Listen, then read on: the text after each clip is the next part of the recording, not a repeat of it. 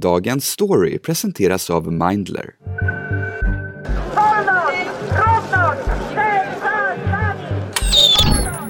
hundreds of thousands of Polish protesters urged their government to commit to keeping Poland in the bloc. Det här är liksom den första spiken i kistan. Det här blir vägen ut ur EU för Polen. De stiftar lagar mot homosexuella, vägrar ta emot flyktingar och har nu senast slagit fast i domstol att de inte behöver följa EU-lag. The Polish government not only jeopardizes the country's long-term future in the bloc, but also the stability of the EU itself. På en kvart får du veta varför EU har så svårt att få pli på rebellen Polen. Men varför en Polexit ändå inte är trolig. Det är tisdag den 19 oktober och jag heter Fanny Härgestam. Här är dagens story från Svenska Dagbladet.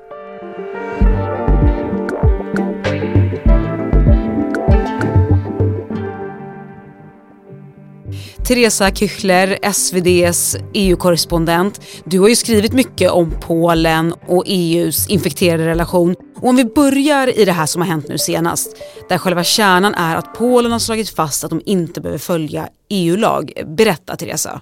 Ja, författningsdomstolen i Warszawa har sagt att polsk lag slår EU-lag. Eh, om man, om man säger så, att om, om det står mellan nationell lag och EU-lag så ska den nationella ha företräde. Och inom EU-systemet så är det precis tvärtom. Jag brukar säga som så att EU har ju liksom inte en gemensam kung eller president. Vi har inte en gemensam eh, regering, vi har inte en gemensam armé. Vi har ingenting av det där som liksom utgör ett land. Så. Vad man har är en gemensam lagbok och det är den som är EU-samarbetet. Och om den liksom krackelerar, om 27 länder stiftar lagar tillsammans och sen åker de hem var för sig och säger så äsch vi skiter i de där lagarna som vi stiftade tillsammans. Det tjänar inte våra syften just nu. Då, då kan man ju liksom lägga ner. Då har man ju ingenting, då har man ju ingenting att hålla fast i. År 2015. Żadnego, proszę Państwa. Det var då som det nationalkonservativa partiet som styr Polen, Lag och rättvisa, PiS, kom till makten. Sedan dess har EU-kommissionen och Warszawa befunnit sig på kollisionskurs i en rad frågor. Polen har stiftat vissa lagar som EU menar går emot principen om allas lika värde. En gäller diskriminering mot hbtq-personer. The LGBT people don't actually exist. According to law and justice, it's simply an ideology. En annan om begränsningar för fria medier. Men den större konflikten just nu gäller hur den polska regeringen har skärpt sin kontroll över domstolsväsendet. Och nu har alltså författningsdomstolen sagt att polsk lag ska trumfa EU-lag. Men det här med hur långtgående EUs inflytande över de enskilda länderna ska vara är och har varit en pågående diskussion. Det har alltid diskuterats i EU om liksom hur mycket EU-samarbete ska pyssla med. Det finns de som säger att vi borde ha en gemensam kung eller president eller armé eller vad det kan vara. Och sen finns det de som säger att nej, vi ska bara handla med varandra. Vi ska sälja tvättmaskiner och bilar och muttrar och skruvar, men, men inte så mycket mer än det. Eh, mjölk och vin kanske också. Men eh, och någonstans däremellan så har man ju då stegvis som kommit överens om att alla 27 länder tillsammans ska pyssla med saker ihop och besluta i olika områden. Och det har alltid funnits diskussion. Men David Cameron, alltså den förre Tory-ledaren och brittiska premiärministern, han var nog den som satte fingret lite på frågan om det här med att ge och ta makt, eller ta tillbaka makt som man sa, från liksom, EU-samarbetet. Och det var för att han hade 2014-2015, så här, alltså ett par år före Brexit-folkomröstningen, så hade han en väldigt EU-kritisk falang inom sitt eget Toryparti. Det var en sån här falang som liksom tangerade lite åsikterna från det här partiet UKIP, som var det, det mest liksom EU-kritiska av alla EU-kritiska partier. Och David Cameron sa, för att liksom lite få pli på den där falangen, så sa han så här, okej, okay, jag åker till Bryssel, jag har med mig en lista på saker där jag tycker att vi ska få tillbaka makten. Vi vill ta tillbaka makten till London. Det ska inte ingå för oss eh, i EU-samarbetet. First, we don't want to have our country bound up in an ever closer political union in Europe. We are a proud and independent nation with proud, independent, democratic institutions. Och så kom han med den där listan och så fick han igenom kanske några få frågor och så fick han inte igenom andra frågor. Men vad han gjorde var att han liksom fick igång en debatt, inte minst i Storbritannien, om det här med shit, vi, var, vi vill ha tillbaka makt. Och det använde ju sig sen de här Brexit-förespråkarna av den här take back control, take back power. Men så vilka konsekvenser får det här nu? Det beror lite på hur den polska regeringen väljer att liksom implementera domstolens eh, beslut. För det är, det, nu krävs det liksom att de, man skapar politik utifrån vad författningsdomstolen har sagt då i Warszawa. Och eh, då finns det liksom en del vapen så att säga som EU-kommissionen kan ta sig till. EU-kommissionen är den institution som har som arbetsuppdrag att se till att alla EU-länder följer gemensamma lagar. Och gör de inte det så kan man ta dem till domstolen. Det kan vara liksom alltifrån handelslagar som miljölagar eller transportlagar eller vad det, vad, vad, vad kan vara. Liksom. Om ett land inte följer de lagar som man har klubbat hedligt tillsammans allihopa så, så måste EU-kommissionen slå ner. Och EU-kommissionen har sagt att det här, det här duger inte. EU-lag slår nationell lag och vi kommer att liksom rättsfölja det här så gott vi kan. EU-kommissionen har ett vapen och det är att de har pengar. Det är också EU-kommissionen som betalar allting. Det är de som sitter på så här sändknappen när man ska skicka ut pengar, så här regionalstöd, jordbruksstöd. Man kan vara. Och just nu så är det någonting i stil med 40 miljarder euro och sånt där som, som är Polens lilla del av den här enorma pandemikriskassan.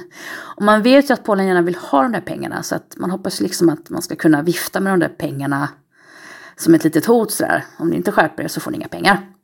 Uh, again, we are waiting now for new decisions of the Court of Justice about the situation in Poland, also possible uh, uh, daily financial sanctions. Den här kriskassan som man gjorde då för eh, liksom pengar, lån som ska ut till väldigt låg ränta, väldigt smart, pumpas ut till de olika EU-länderna efter pandemin. Den är lika stor som EU-budgeten i stort sett. Man liksom la på en EU-budget till. Då ska man tänka sig att en, en vanlig EU-budget, den täcker ju allting som är så regionalstöd, forskningsstöd, jordbruksstöd, det är ganska mycket pengar. Polska bönder, polska glesbygdsområden där man liksom kanske bygger vägar eller broar och sånt där med EU-pengar. Det är många, många jäkla miljarder alltså. Men du Teresa, det har ju pratats nu senaste tiden till och med om Polexit. Mm. Alltså huruvida Polen skulle kunna gå ut ur EU. Mm. Kan det gå så långt? Alltså i teorin så är det ju det den här domstolsbeslutet i Warszawa faktiskt handlar om. Därför att om man inte följer EU-lag då får man inte vara med i EU. När man går med i EU så skriver man ju på hederligt och liksom tio fingrar på Bibeln eller vad man nu gör. Eh, att man ska följa den lag som gäller. Och om man säger att man ska skita i lagen då, då är ju sånt där akademiker och EU-kännare och, och, jurister sitter ju nu då såklart och, och säger att kan, kan man ens vara med i EU om man inte följer reglerna? Och det enklaste svaret på den frågan är nej, det kan man inte. Men det, det mest realistiska svaret är ju att Nej, egentligen inte, men vi måste hitta något sätt att beveka, försöka beveka Polens regering till att liksom backa det här beslutet. Men samtidigt peka på att vi, vi, vi har förstått att ni är missnöjda med någonting. Liksom, men ja, det var den 7 oktober som Polens författningsdomstol kom med beslutet att delar av EU-lagen är oförenlig med polsk grundlag. Reaktionerna blev omedelbara och kraftiga från flera håll. EU-kommissionens ordförande Ursula von der Leyen sa sig vara djupt oroad. Beslutet utlöste sedan stora protester med tiotusentals pro-EU-demonstranter på Polens gator. De kallades samman av EUs före detta rådsordförande Donald Tusk som numera är aktiv oppositionspolitiker i landet. Polens regering däremot har välkomnat beslutet. Och nu ställs frågan hur regeringspartiet PIS och den polska domstolen går vidare. Ja, det här är ju när det blir riktigt sådär hejkon bacon i, i juridiken skulle jag säga. Alltså den här domstolen då, den, den polska författningsdomstolen, är just då en av de domstolar som EU-kommissionen säger att polska regeringen håller på att göra om till någon slags nickedocka eller lyddomstol som bara följer regeringens minsta vink och de har då tillsatt domare som man tror då skulle vara liksom regeringstrogna. Och när då Polens premiärminister blir ursinnig på EU för att han får kritik för att han reformerar rättsväsendet så ber han samma domstol som är kritiserad och som han själv då har kompisar som sitter i att testa om EU-lagen håller.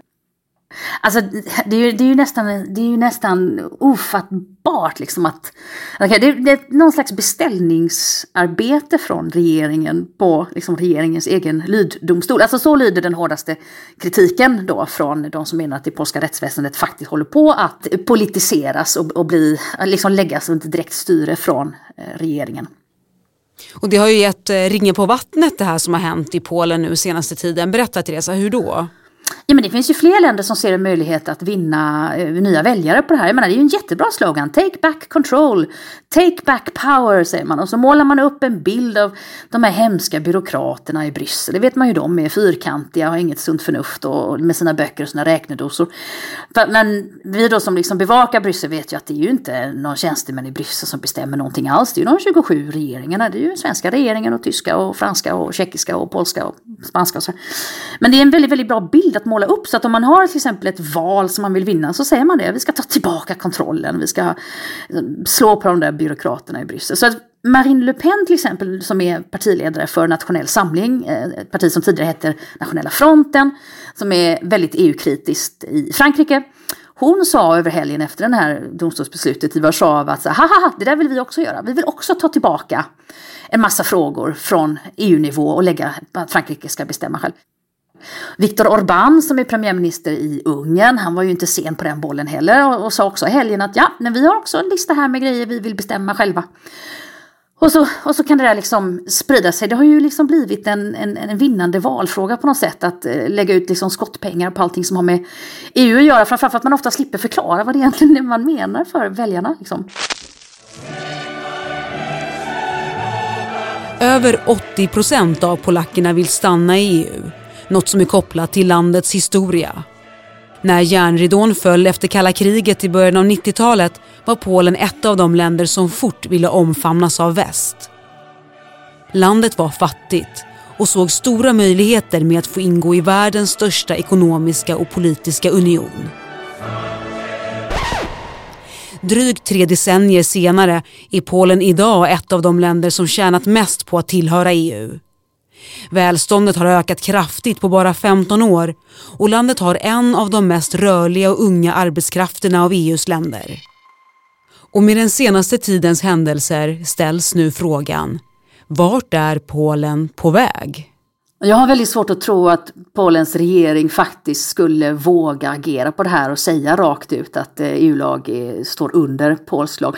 Å andra sidan, Ska man titta på EU-samarbetet, det har ju alltid räckt med den här skämsfaktorn. Om, om någon domstol skulle sagt så här, Sverige, det är inte en demokrati längre, de håller på att politisera sitt rättsväsende, då hade ju Sveriges regering hade ju skämt ögonen ur sig att bli utpekad som någon slags simpel vad vet jag, som någon slags diktator i tredje världen eller Belarus eller, eller Myanmar, de här länderna som vi skäller på för att de inte liksom har ordentliga demokratiska institutioner och sådär. Den där skämsfaktorn har alltid räckt och det Polen har gjort här, det är faktiskt att man har visat att skämsfaktorn inte längre gäller. De vill inte rätta sig efter EU-lag och de skäms inte tillräckligt mycket för att helt enkelt skriva om lagen som de själva vill. Så att mitt svar på din fråga där blir faktiskt, jag vet inte. Det är liksom 50-50. Vågar man riskera alla de där pengarna från EU? För sin stolthets skull? Eller, eller inte? Och Teresa, du bor ju i Bryssel. Där jobbar ju massvis av polacker. Har mm. du någon polsk kompis där som reagerar på det här nu? Alltså jag ingår ju i en sån där väldigt internationell klick ändå som kanske inte är särskilt representativ för varken svenskar i allmänhet eller polacker i allmänhet. Alltså vi som bor här i Bryssel tillhör ju liksom någon slags som säga, internationalistisk tänkande grupp av människor. Så jag tror att ska man fråga vad en liksom vanlig polack vill så ska man nog fråga eh, polacker i Polen som på något sätt känner att EU ställer till det för dem. Och i, det fallet så tror jag att det faktiskt är ganska få polacker som känner att EU ställer till det för dem. För att eh, tvärtom så har ju den fria marknaden gjort att polacker kan jobba utomlands, de kan skicka pengar hem till Polen, de kan liksom utveckla sin infrastruktur och alltihop. Jag, menar, jag var i Polen för 20 år sedan och så var jag där för tre år sedan och bara den skillnaden på de där 17 åren som hade gått var helt otrolig vad gäller alltså vägar, infrastruktur, bostäder. Så att jag tror inte att gemene man i Polen faktiskt har något stort agg emot, eh, mot EU. Jag tror att det är regeringen i Warszawa som har det. Tack Teresa Küchler för att du var med i Dagens Story. Tack, tack. Har du känt att du har svårt att prata om hur du mår eller inte riktigt vet var du ska vända dig? Det kan handla om stress, ångest eller andra psykiska besvär. Mindler kan hjälpa dig. I appen kan du träffa en psykolog via videosamtal och få tillgång till Mindlers självhjälpsprogram där du får övningar som du kan utföra på egen hand eller tillsammans med en psykolog. Med Mindler slipper du långa väntetider och garanteras en tid med en psykolog inom 24 timmar. Ett besök kostar 100 kronor, en liten investering för något väldigt viktigt, din psykiska hälsa. Vi som gjorde programmet idag är producent Daniel Persson Mora, redaktör Maria Gelmini och jag heter Fanny Härgestam.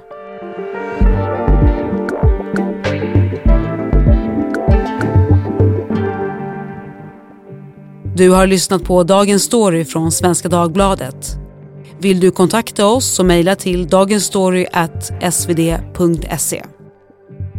Klippen som hördes i dagens avsnitt kom från Al Jazeera, Euronews, Sveriges Radio, PBS, ITV, AP och SVT.